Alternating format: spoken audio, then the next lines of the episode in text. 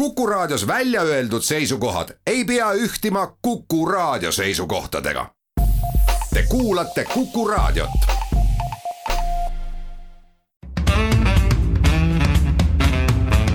muuli ja Riikoja tere päevast, head kuulajad, kell on mõned minutid üksteist läbi, et on reedene päev, siis on ka saate Muuli ja Riikoja aeg ehk Kalle Muuli on Tallinna stuudios, Indrek Riikoja on Tallinnast pisut eemal, sest vabandame ka võib-olla vähe pisut kannatava tehnilise kvaliteedi pärast, aga loodame, et jutt saab olema siiski nii huvitav, et äh, mõned krabinad ei sega. alustame tänast saadet äh, kahekümnendast augustist, kahekümne üheksandat korda taasiseseisvumispäeva eile peeti tehti, tehti uusi ettepanekuid, kuidas seda päeva nimetada ja peeti ka mitu pidupäevakõnet. teiseks räägime äh, vägivallaennetuse auhindade kätteandmisest, kus äh, juhtus mitu, mitu apsakat ja, ja ja tekkis üldse küsimus, et kas äh, need auhinnad on legaalsed räägime ka koroonareeglitest, sellel nädalal andis siis valitsus lõpuks ometi teada sellest, kuidas peavad oma töö toimetama koolid, mõni päev rohkem kui nädala pärast algab õppetöö nii tavakoolides kui ka kõrgkoolides, segadust on sellest hoolimata ja ka kultuuriasutustele on piiranguid leevendatud. ja saate võib-olla, et viimase teemana äh, räägime veel kord äh, sellest kuulsast või kurikuulsast advokaadibüroost USA-s, mille ümber on Eestis nii palju lokku löödud, nüüd on avaldatud siis USA senati raport, kus on Äh, kirjas, ma täpselt ei oska nüüd äh, tsiteerida, ei ole tsitaati ees, aga aga põhimõtteliselt see, et äh, Louis Freeh, kes on selle advokaadibüroo üks käilakujusid olnud, on kunagi kohtunud seoses rahapesuga ka Vene ametnikega, aga mis nende kohtumiste täpne sisu on, ei saagi päris teada. muuli ja Riikoja eile tähistati kahekümne üheksandat korda Eesti taasiseseisvumispäeva, mäletatavasti siis kahekümnendal augustil tuhande üheksasaja üheksakümne esimesel aastal Eesti Vabariik äh, taas kuulutati välja või kuidas see juriidiliselt täpne vorm meil on, äh, õhtul hilja pärast kella kümmet, pool üksteist, kui ma mälu mind ei peta, toonane Riigikogu selle otsuse vastu võttis, sellele eelnes päris hulk vaidlusi, millises vormis edasi minna, kas nii-öelda taastada õigusjärgne Eesti Vabariik, kuulutada välja päris uus riik või, või kuidas käituda, aga lõpuks kompromissile või kokkuleppele erinevad osapooled jõudsid, et nagu noh, kes vähegi seda aega mäletab ja olen mina küll veel nii-öelda noorem otsamees, aga, aga ka pisut mäletan, siis juba toona oli, käis poliitiliselt üksjagu tugev kemplus ja ei olnud sugugi võõrad mitte ainult maailmavaatelised erimeelsused, vaid ka nii-öelda isikute pinnalt tõukavad erimeelsused, nii nagu see tänaseski. Poliitikas on president Toomas Hendrik Ilves äh, viskas äh, siin sellel nädalal Postimehele antud intervjuus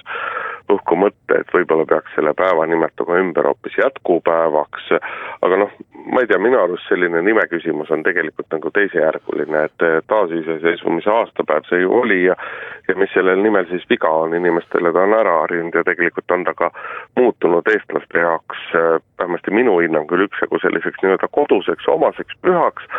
mis ühest küljest tähistab sellist mõnusat äh, hilissuvist vaba päeva, aga kus on ikkagi väga, väga selge annus patriootlikkust sees ja, ja see on ka inimestes täiesti nagu olemas. no Indrek, ma ei oleks sinuga nõus, võib-olla sa väljendasid ennast halvasti lihtsalt, aga teisejärguliseks ma nime küsimust kindlasti ei nimetaks, et äh, sellistel tähtpäevadel on nime küsimus väga oluline küsimus. ja ka üheksakümne esimese aasta kahekümnendal augustil vaieldi just selle noh, sisuliselt ikkagi nime küsimuse üle. et mida siis tehakse, kas taastatakse iseseisvus, kuulutatakse iseseisvus välja, äh, tõesti, jätkupäeva äh, sõna ei olnud kasutusel, aga minu meelest on see Toomas Hendrik Ilvese poolt pakutud nimetus äärmiselt ebaõnnestunud ka ajaloolise sisu poolest, et kahekümnendal augustil üheksakümmend üks me ei jätkanud mitte midagi, me ei jätkanud Pätsi dikta-, diktatuuri ja me ei jätkanud ka sama põhiseaduse alusel. et see oli põhimõtteline otsus tol ajal. kuulutada või võtta vastu uus põhiseadus ja mitte jätkata sealt koha pealt, kus Eesti Vabariik oli pooleli jäänud, et me taastasime iseseisvuse, kuid me tegime seda uue põhiseaduse järgi. ja, ja see, see võtab minu meelest aluse ka ära sellelt ebaõnnestunud sõnalt jätkupäev, me, me ei jätkanud seda, mis Pätsil pooleli jäi no seesama, toosama intervjuu ja paljud teisedki Toomas Hendrik Ilvese intervjuud äh, nii-öelda ajaloolise ebatäpsuse osas, noh, seal on neid veelgi, aga seda ei saa pahaks panna, eks tema tollel ajal pigem jälgis neid sündmusi eemalt, mitte siit koha pealt. Aga selles mõttes vaata, on see nime, nimeasi siiski küll nagu teisejärguline, et, et tähtis on ju selle päeva sisu ja veelgi tähtsam on see, et millisena seda inimesed seda, seda päeva tajuvad, et kui me räägime siin edasi äh, nendest kõnedest, eelkõige presidendi eile õhtul Roosiaias peetud kõnest ja ja noorkunst Grigorjev samamoodi Roosaaias peetud kõnest, siis ega nende kõnedega on ka, on ju ka see, et noh, et meile võib kõne sisu meeldida, need sõnumid meeldida või mitte, aga tegelikult me võime vaielda, et näidake fakte, tõestage faktidega oma väiteid, aga küsimus ei ole alati mitte selles, et mis asjad on faktid, vaid selles, milline tunne on loodud, milline on õhkkond, milline on inimeste tunnetus. jah, Roosiaias peeti ju kaks kõnet isegi. no seda ma tava, tavaliselt äh, vähemalt nii palju tähelepanu väär-, väärsevaid kõnesid ei, ei, ei äh, peeta ja, ja ma arvan, et äh, et üks neist kõnedest oli väga hea ja teine oli, oli suhteliselt nõrk ja ma ütleksin isegi äpardunud ja, ja kummalisel kombel oli sedapuhku nii, et, et presidendi kõne oli minu meelest hästi nõrk hästi, hästi kummalistele äh, asjadele toetuv ja samal ajal äh, noore kunstiinimese Sveta Grigorjeva äh, kõne oli mu meelest väga tugev ja rõhutas ka mitut või tõstis esile mitut küll teadaolevat asja, aga siiski väga värskes sõnastuses ja, ja sellises uues ja veenvas esituses. Ja, ja ma arvan, et, et eilse päeva võib-olla et üks tähtsamaid sündmuseid kõne mõttes oli kindlasti Sveta Grigorjevi kõne, mitte presidendi kõne no mõlemad kõned paistsid silma muidugi väga kriitilise, väga suure kriitikaga, mida tavaliselt nagu kahekümnenda augusti kõnede puhul nagu ei olda reeglina nii kriitilised nagu olnud. president kritiseeris väga tugevalt praegust valitsust, rõhutas sellele, et et äh, meil on küll äh, koroonakriis, meil on küll keeruline sellele reageerida, meil on keeruline alati õigesti reageerida, aga et me ei tohi selle taustal unustada seda, et me ei tohi hakata kärpima äh, inimeste vabadusi ja me ei tohi kolmekümne aasta pärast tõdeda, et kahe tuhande kahekümnes aasta oli see, kui meil hakati vabadusi piirama. ja presidendil selles mõttes on kahtlemata, kahtlemata õigus, et, et ega see ka siia koroonakriisi reageerides on tihtipeale, on mindud seda teed, et, et lihtsam on lauaga kohe mardikas maha lüüa alles siis hakata mõtlema, et kas me teda just nimelt kartma peaksime või mitte. et äh, mingis osas on see mõistetav aga, aga ta oli mõistetav nagu võib-olla esimesel kuul, pooleteisel, kahel, aga tänasel hetkel, kui meil on sellest koroonakriisi algusest Eesti jaoks möödunud ikkagi juba üle viie kuu, et tänasel hetkel ei tohiks, ei tohiks kogu aeg ainult nagu lauaga lüüa. no, no Indrek, Indrek, sa, sa ju äh, räägid äh, ilmselt ka äh, viieteist minuti pärast järgmises punktis äh, ju tegelikult piirangute lõdvendamisest. ja, ja, ja peaaegu et kõikide piirangute ärakaotamisest, et Eesti on praegu üks kõige väiksemate piirangutega Euroopa riike üldse. Ja jaa, aga vaata need piirangud, Kalle, need piirangud ei ole, need piirangud ei ole nagu, ei ole nagu ainsad asjad, et eh, president tõi näiteid veel, ta rääkis seal võõrtöölistest, ta rääkis hipilaagrist, ta rääkis erinevatest üritustest ja nii edasi, et paljudes, paljudes asjades siiski on nagu väga selgelt näha seda, et et teostatakse oma muid, muid poliitilisi vaateid läbi praeguse nii-öelda eriolukorra. tead, Indrek, mida on väga selgelt näha sellest presidendi kõnest, president rääkis seda, et reeglid ei ole selged ja et võib-olla, et ei ole kuskilt aru saada, millal tuleb Terviseamet, see oli tema sõnastus, ja millal ta võtab kaasa politsei ja, ja viitas seal sellele, isegi selline lause oli, et kuidas õigesti karantiinikohustust täita ja nii edasi. et noh, sellest kõigest, sellest jutust, sellest presidendi jutust jääb ju mulje, et ta ei ole lugenud mitte midagi muud kui Delfi et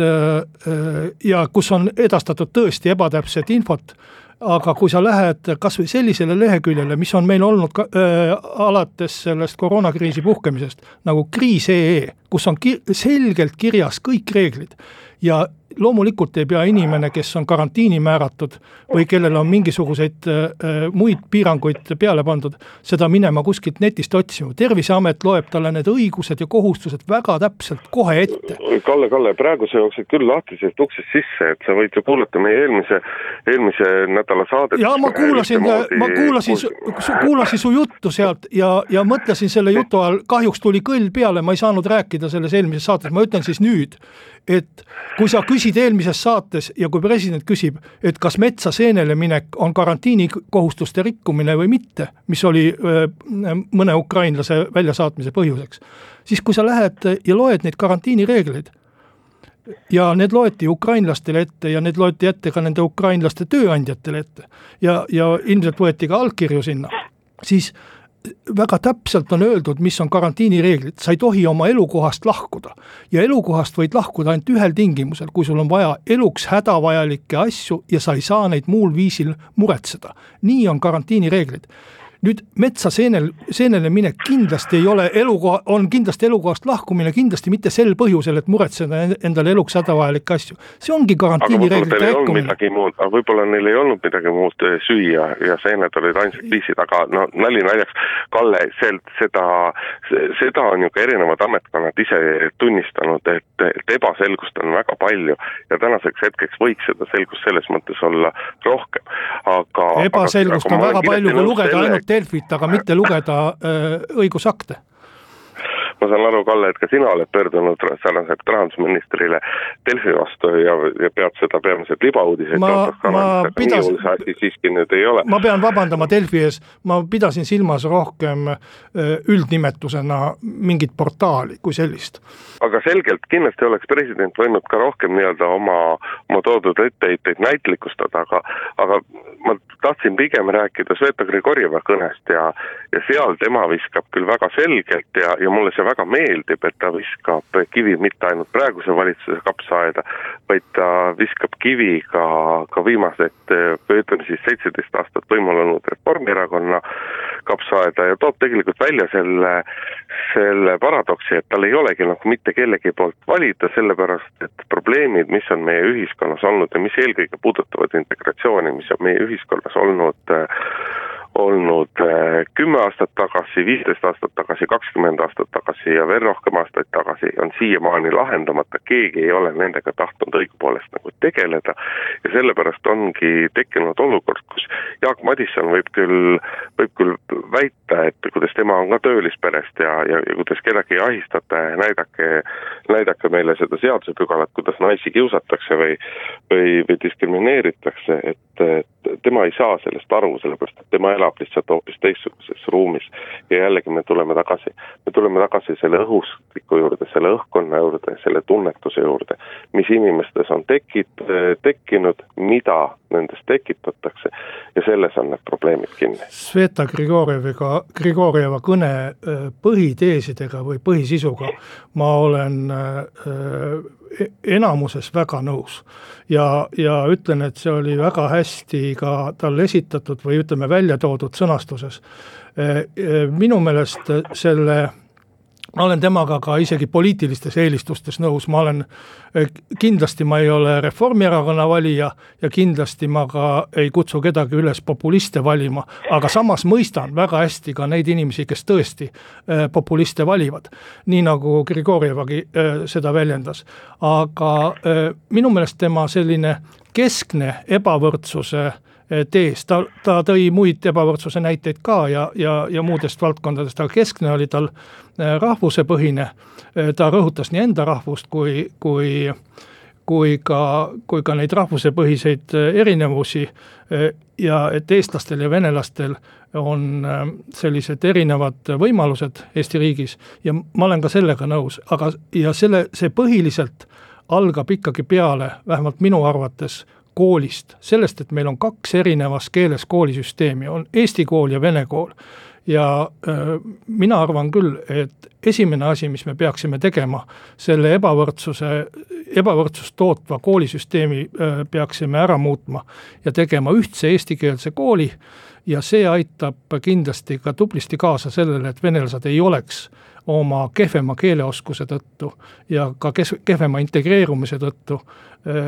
ebavõrdses olukorras ja, ja pääseksid ligi äh, Eesti kõrgkoolidele paremini, töökohtadele ja nii edasi, nii edasi, kaasa arvatud poliitiline karjäär, mida äh, Sveta Grigorjeva mainis. et, et selles mõttes oli see kindlasti õige panus ja ma arvan, et, et eestikeelne kool äh, Äh, või, või üleminek sellele saab siit ehk natukene tõuget juurde no küsimus ei olegi mitte nii väga selles keeles ja vaid küsimus on selles, et äh, haridussüsteemiga see kaks kasti Eestis, need, need luuaksegi ja need luuakse tegelikult juba ju maast madalast, sest et asi ei hakka ju pihta mitte koolist, vaid asi hakkab pihta juba lasteaedadest. lasteaiad on samamoodi eesti ja venekeelsed, eesti ja venekeelsed lasteaiad ja, ja sealt hakkab see nii-öelda kahte, äh, kahte lehte löömine pihta ja, ja siis, ja kui nad on juba kakskümmend aastat noore kujunemise aeg on nad äh, nii-öelda kahes reas olnud, siis sealt hakata neid pärast seda uuesti kokku põimima on sisuliselt nii-öelda nagu viljatu ülesanne. aga noh, Kalle, sinu enda erakond on olnud kui kaua, kui ka, kui kaua ja kui palju valitsuses ja meil ei ole olnud selgelt, meil ei ole selgelt olnud poliitilist tahet seda, seda asja nii-öelda ära korraldada ja ja, ja sinna kõik jääb, ma olen no, siin suve jooksul käinud Indrek, päris palju. Indrek, sa tead ju väga hästi, et, et, et Isamaa, ma loodan, et tead, et Isamaa äh, valimisloosung oli eestikeelne kool aga äh, meil ei ole selles valitsuses haridusministri portfelli. Ja kui sul on põllumajandusministri portfell, siis sa saad põllumajandusega tegeleda, aga mitte, mitte otseselt haridusega eestikeelne kool Isamaa valimisplatvormis on samasugune asi nagu astmeline tulumaks keske, Keskerakonna valimisplatvormis, et et see on asi, millest ollakse alati valmis äh, väga kergekäeliselt, äh, väga kergekäeliselt ma võin, ma võin sulle ütelda, ütelda Indrek ka seda, Indrek, et, et selleks tegelikult, et minna üle eestikeelsele koolile ei ole vaja kohutavaid seadusemuudatusi teha. on tõesti vaja ka riigi tasemel kaasa aidata õpetajate muude kool, äh, platvormide või asjade loomisega, aga seda saab ka kohaliku omavalitsuse tasemel teha, sest kool on kuulub kohalikule omavalitsusele ja nendes omavalitsustes, kus on Isamaa võimul, me oleme seda teinud, me tegime seda Paides. Äh, seal võib küll ütelda, et jah, mis teil seal teha oli, aga seal oli siiski kaks venekeelset äh, õppeasutust, mis üks neist vist oli lasteaed. teate, me, Kalle, me võime pikalt-pikalt jääda selle teemal vaidlema, aga selge on see, et nii-öelda poliitilist tahet selleks ei ole olnud, aga siinkohal peame me tegema pausi, natukese aja pärast oleme tagasi. Muuli ja Riikoja. tere tulemast tagasi, head kuulajad, uudised kuulatud, Kalle Muuli on stuudios, Indrek Riikoja pisut eemal, jätkame oma eh, saatega. selline seltsimees nagu Mikk Pärnits eh, pälvis sellel nädalal väga palju tähelepanu, sai ta kuidas see, Kalle, selle auhinna täpne nimetus on, mida vägivallaennetuse auhind, ma arvan, et kõlbab ütelda küll. Jah, sai ta tänavu mõne päeva eest vägivallaennetuse auhinna selle eest, et ta on loonud koos kaasmõtlejatega ühe portaali, kus siis räägitakse eelkõige seksuaalsest vägivallast ja, ja, ja naiste ahistamisest ja seda siis läbi nagu väga teravate näidete otsustas ta auhinna vastuvõtmisele tulla roodas, roosas kleidis ja kontsakingades, aga noh, see detail on saanud küll täiesti põhjendamatult, põhjendamatult palju tähelepanu, et noh, mida inimene enda silmajäämiseks endaga teeb, noh, me võiksime olla sellest nagu suuta üle olla olulisem on pigem, olulisemad on pigem need küsimused, mida ta ütles sealsamas auhinna üleandmisel peetud kõnes. Ja, ja tegelikult veel olulisem küsimus on see, et miks temasugune inimene sellise auhinna sai ja sotsiaalmeedia, meedias on äh, pälvinud äh, või puhkenud selle tulemusena väga suur nii-öelda arutelu, on nii-öelda on kriitikuid, on pooldajaid, isegi justiitsminister Raivo Aeg, kelle nii-öelda haldusala seda auhinda ju tegelikult välja annab, et see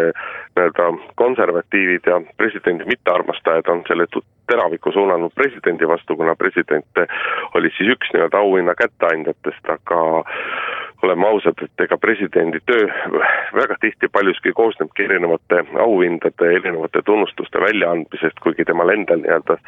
nende inimeste väljavalimisega mingisugust pistmist ei ole, et see on lihtsalt tema nii-öelda üks osa esindusrollist, et, et ka seda auhinda andis välja Justiitsministeeriumi ametkond. Ja küsimus on selles, et kui vaadata Mikk Pärnitsa varasemaid väljaütlemisi, noh, puudutab siis see laulupidu, puudutab see, puudutab see seisukohti, arvamusi mingisuguste teiste inimeste kohta, tema sõnakasutust, tema blogipostitusi, et kas see inimene nagu vääris sellist auhinda ja noh, ilmselgelt me võime öelda, et, et see inimene sellist auhinda küll ei väärinud, et see, see konkreetne algatus on, on väga hea, see on väga nagu positiivne, aga eks sellega kipub ikka olema nii, et kui sa oled teinud kunagi päris mitu asja, mis äh, siis kas moraalselt, seaduslikult või mingil muul põhjusel ei ole nagu aktsepteeritavad, siis sa lõikad nagu mingisuguse tee enda jaoks ära ja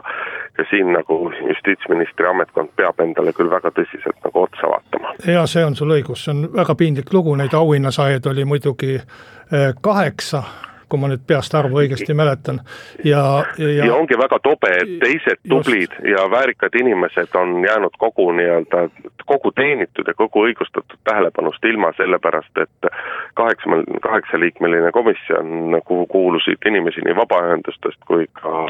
kui ka justiitsministri haldusalast, noh, ma ei tea, kas ei tulnud selle peale siis, et guugeldada või on sealne moraalne kompass siis nõnna viltu, et, et selline asi nagu sai läbi minna? tahtsin ütelda, Indrek, et justiitsministeeriumi töötajana ma kindlasti vabandan nende seitsme inimese eest, kes on selles trianglis täiesti põhjendamatult võib-olla, et mingit halba varju saanud või, või kuidagi ennast halvasti tundnud. et see kindlasti ei olnud taotlus ja nad ei ole mitte milleski süüdi ja nad on väga tublid ja nad on seda auhinda väärt ja see on tõsine ja, ja, ja väärikas auhind. tõsi on ka see, et selle auhinna andmise komisjon on justiitsministri käskkirjaga, küll mitte praeguse ministriga, vaid eelmise ministri käskkirjaga moodustatud ja sinna komisjoni kuuluvad äh, vähemalt ka kaks justiitsministeeriumi ametnikku, üks neist on, üks neist on töölt äh, lahkunud tänaseks küll muudel põhjustel, mitte, mitte selles komisjonis olemise pärast. ja, ja, ja selles mõttes kindlasti Justiitsministeeriumil on äh, suur vastutus selle auhinna eest. aga, aga ma pean ka ütlema seda, et minister tegelikult ei olnud kursis sellega, vähemalt ütleme kirjalikul tasemel, ettepaneku tasemel, et äh, Mikk Pärnitsale üldse see auhind antakse. Äh, kuna komisjon oli jätnud äh, need auhinnasaajad ministrile kinnitamiseks esitamata, selline täiesti uskumatult inetu lugu oli juhtunud ja sellega oli rikutud ka auhinna andmise statuuti. no minister saab teistele need auhinnad kinnitatud, aga ma arvan, et täpselt samuti nagu kas siis lohakusest või mingil muul põhjusel jäeti need kandidaadid ministrile esitamata, ilmselt jäeti ka äh, Mikk Pärnitsa taust uurimata. ma ise äh, kuulun näiteks Tammepere auhinna andmise äh, komisjoni juurde ja, ja tean, kui põhjalikult kontrollitakse seal näiteks auhinnasaajate tausta, kuni teisi ametkondi kaasates välja. ja, ja ikka juhtub, kuna inimeste elud on pikad ja keerulised, ikka juhtub, et, et noh, võib-olla, et üks auhinna saajatest on selliste kahtlaste tegudega, et võib-olla, või kandidaatidest, et ei peaks saama või midagi sellist. et selliseid asju tuleb ette. aga kui vaadata Mikk Pärnitsat, no seal ei olegi mitte midagi kontrollida, sa näed ju äh, kohe, et tegemist on vägivalla õhutajaga, et kui sa loed tema suvalist blogipostitust, ma, ma tõesti tavaliselt ei loe, aga nüüd kuna kuna töökohustused sundisid lugema, siis lugesin. no seal, seal on õhutatakse vägivalda vanemate inimeste vastu, sõnadega umbes, et oleks hea, et nad sureksid ära ja nii edasi. no selge see, et riik ei peaks tunnustama sellist tegevust, rääkimata siis, et mitmesuguseid riigiasutusi, kaasa arvatud politseid, saadetakse üldse kõikidesse aukudesse, kus inimestel on, mis inimestel on olemas. ja, ja need, neid auke nimetatakse võimalikult rõvedalt siis ja ebatsensuursel moel, ma ei saa kahjuks korrata siin. et, et sellisele inimesele ei, ei peaks olema riiklikku tunnustust, vaid talle on vaja riiklikku arstiabi. ja, ja üldse ei pea nagu kuus aastat arstiteaduskonnas õppima, et ütelda, et inimesel on mingi hälve ja, ja ta vajab pakiliselt abi ja no see... ära nüüd, Kalle, muidugi diagnoosi tõtt, tõtta andma, aga aga, aga muus osas on sul kindlasti õigus. mina, kuna väga paljud inimesed on seda seos, seostavad tänasel hetkel ikkagi ka seda auhinda presidendiga ja noh, sel lihtsal põhjusel, et president selle välja andis, ma ei arva, et president on süüdi, aga ma arvan, et president võiks oma selge seisukoha välja öelda, et kui me mäletame seda, kui operatiivselt ja kui reagee-, kui kiiresti reageeris president näiteks Mart Kuusiku ministriks saamisele, kusjuures seal oli ju ütleme niimoodi, et äh, talle süüks pandud asjad olid toonasel hetkel ikkagi ajakirjanduse küll väga põhjalikult kontrollitud, aga siiski tollel hetkel veel ajakirjanduse spekulatsioonid ja ei ole kohtus, kohtu protsess ei ole siiamaani õigupoolest käima läinud selles asjas, või Janek Mägile või mitmele teisele juhtumisele, siis siin on küll see koht, kus president võiks nagu kiiresti reageerida ja võiks kiiresti oma seisukoha selles välja öelda, ma ise loodan, et see seisukoht on, on samamoodi nagu tauniv, aga see on presidendi õigus, aga ta kindlasti peaks oma seisukoha välja ütlema. aga siinkohal teeme veel väikese pausi ja siis läheme saatega edasi. muuli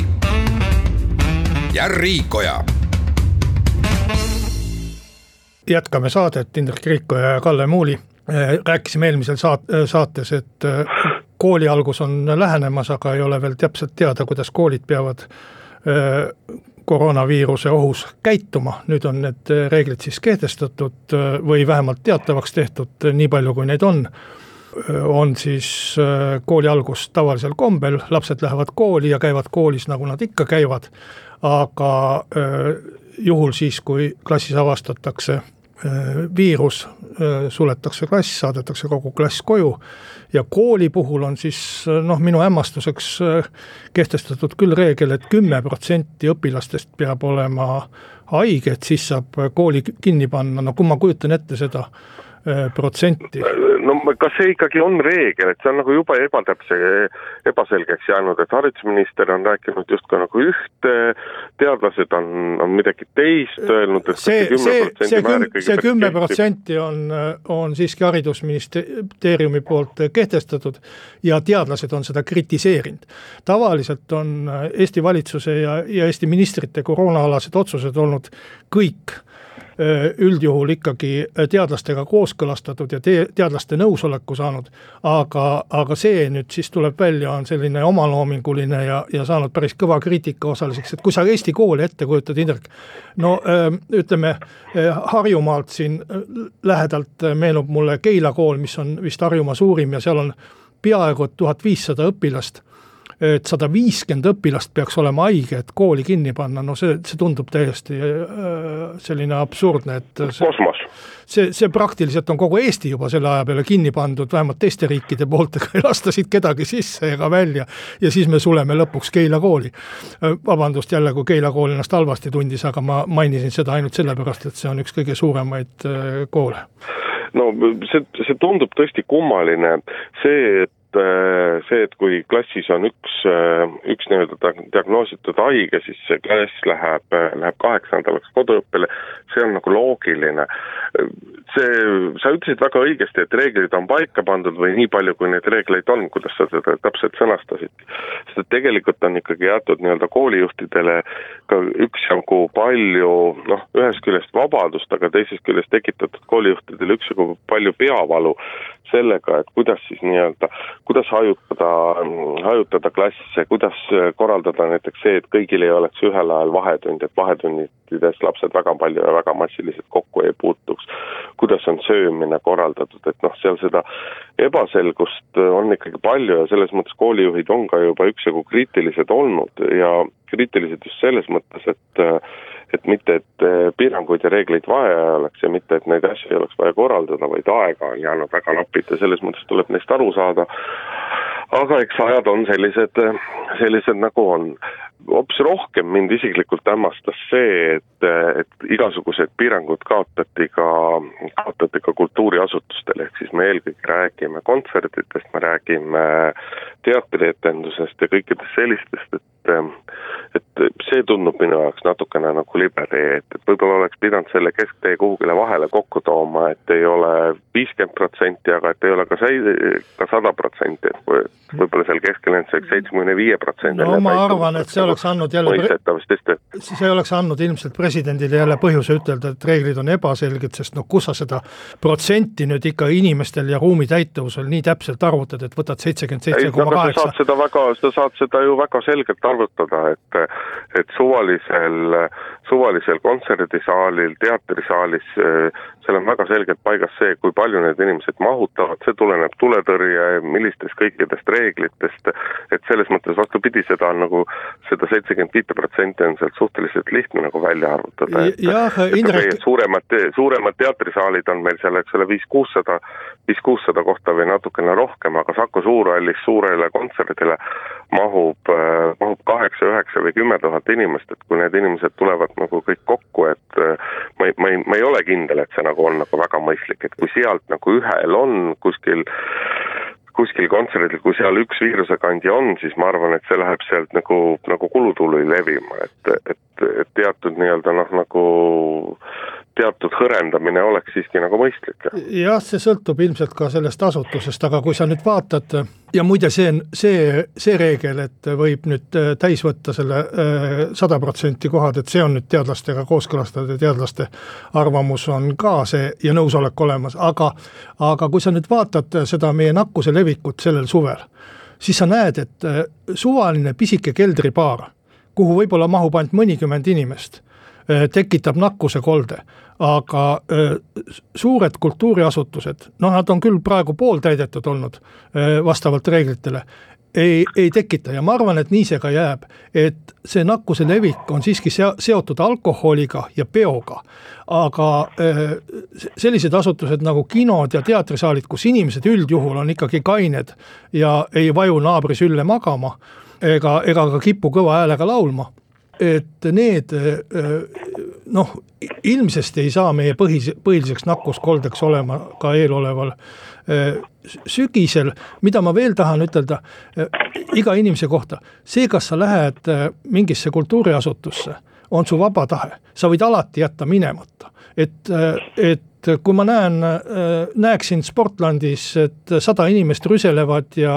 ja jagelevad odavate dressipükste pärast, siis ma lihtsalt ei astu sinna sisse, lähen koju. täpselt samasugune võimalus on ju tegelikult ka kultuuriasutuste eh, puhul, et mul ei ole kohustust sinna minna, igaüks, kes tahab oma tervist kaitsta ja arvab, et sajaprotsendiline täituvus on liig, nagu sina arvad, Indrek, see saab ka jätta minemata ja, ja tegelikult oleks mõistlik äh, mitmel puhul, kellel on riskirühmad või kellel on kehv tervis või või kes väga kardab, ongi mõistlik nagu eemale hoiduda, aga samas inimesed, kes äh, ma ei tea, noored inimesed või kes ei ole nii nakkuskartlikud äh, või kes on ära põdenud ja, ja selle tõttu immuunsuse omandanud, need võiksid ju vabalt käia ja minna, et me ei pea neile äh, mingisuguseid piiranguid, et selles mõttes nagu kultuuriasutus erineb koolist, et kooli sa oled kohustatud oma lapse saatma, kui ta on terve ja kui kool töötab. aga kultuuriasutusse sa ei ole kohustatud minema, et sa võid täiesti vabalt sealt eemale hoida ja oma tervist kaitsta ei, selles osas on sul ka muidugi õigus, aga kõige selle juures peame me siiski meeles pidama ka selle, ka seda, et kui asjad peaksid minema hullemaks, siis peame me valmis olema uuteks piiranguteks. muuli ja Riikoja jätkame siis äh, saadet äh, USA advokaadibüroo teemadel, mille ümber on siin terve suvi juba peaaegu et äh, tolmu klopitud. Algas see pihta süüdistustega huvide konfliktis, nüüd on kuidagi see süüdistus ära vajunud, nüüd otsitakse, et mida see Louis Freeh, siis advokaadibüroo käilakuju on kuskil veel teinud, kellega kohtunud ja ja, ja nii edasi, tegelikult mu meelest oleks aus kogu selle loo juurde siiski ütelda, et eh, ehkki le seda lepingut ei ole ilmselt ajakirjanikud näinud ja meie kumbki sa sinuga samuti, oleks aus ütelda, et eh, Eesti riik sõlmis eh, lepingu advokaadibürooga ja äh, mitte Louis Freeh'ga. Ja see, see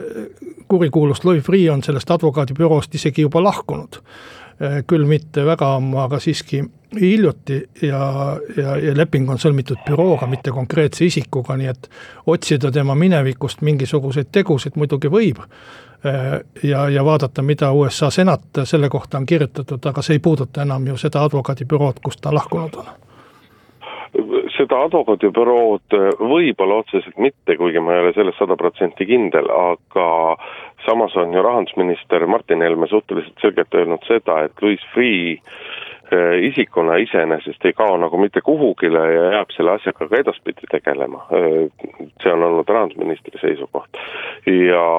kui sa nüüd ütled, et noh, et on otsitud huvide konflikti ja see ei ole kuhugile kadunud, siis see ei ole päris, see ei ole nagu päris tõde, sellepärast et kui me vaat-, kui me vaatame seda seda USA senati luurekomisjoni raportit, kui ma nüüd ütlesin selle komisjoni nime õigesti, siis vastupidi, seal ju tuuakse välja see, et et Louis Freeh on väga selgelt ühes,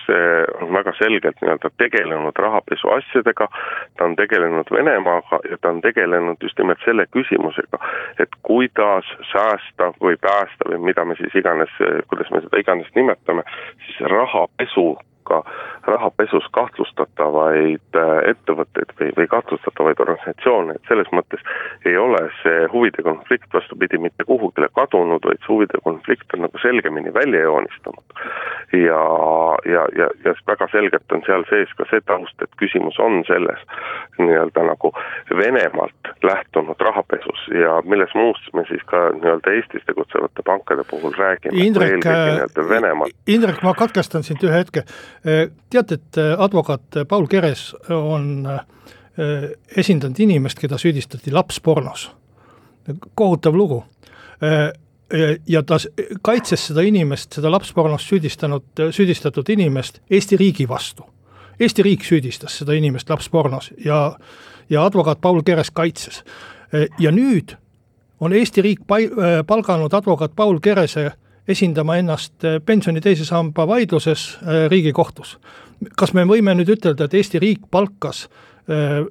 ennast esindama inimese, kes on seotud lapspornoga või? kindlasti ei või, sellepärast et pre-, see, sellepärast et advo-, advokaat ei saa samest, samastada tema esindatavate inimestega, selles on asi. võib-olla, ma olen, ma olen, Indrek, Indrek, võib-olla see Louis, Louis Freeh on väga halb inimene, ma tõesti ei tea aga kindlasti olen ma selle vastu, et advokaate samastatakse nende isikutega, keda nad lepingu alusel eh, esindavad, kas eh, mingisuguses kohtuasjas või mingisugustes muudes asjades. et advokaadi töö ongi sageli kurjategijaid esindada jaa, Kalle, aga vaata, lapsporno valmistamine ja pensioni teine sammas on erinevad asjad, aga meie räägime siin vastupidi olukorrast, kus, kus ühel hetkel Louis Freeh äh, nii-öelda kaitses äh, või, või tegeles, esindas rahapesus kahtlustatavaid ja tänasel hetkel esindab ta Eesti riiki ja tema eesmärgiks on minna nende rahapesus kahtlustatavate vastu, et Eesti saaks selle pärast hüvitist, et need inimesed või inimesed, organisatsioonid, asutused tegelesid rahapesuga ja siin on see probleem. probleem võiks tekkida siis, kui Paul Keres kaitses ühel hetkel nii-öelda nagu lapsporno, lapsporno valmistamises kahtlustatavad ja nüüd hüppaks üle riigi poolt kohe teisele poolele ja sealt tekib see konflikti koht, et selles mõttes ei ole sinu näide paras, ei ole sinu näide pädev, et loomulikult ei saa advokaati samastada, samastada tema kliendi tegudega, aga küsimus on selles, kas advokaat saab ühes samas asjas nii-öelda esindada. see, see ei ole üks ja sama asi, sellepärast, sellepärast et ta leping on lõppenud. rahapesu Kala, Kalle, rahapesu on rahapesu, aga siinkohal peame me tänase saate otsad kokku tõmbama, Kalle Muuli oli stuudios, Indrek Riiko ja telefoniühenduses. Nädala aja pärast kuuleme juba jälle mõlemad Tallinna stuudiost, ilusat päeva teile! muuli ja Riikoja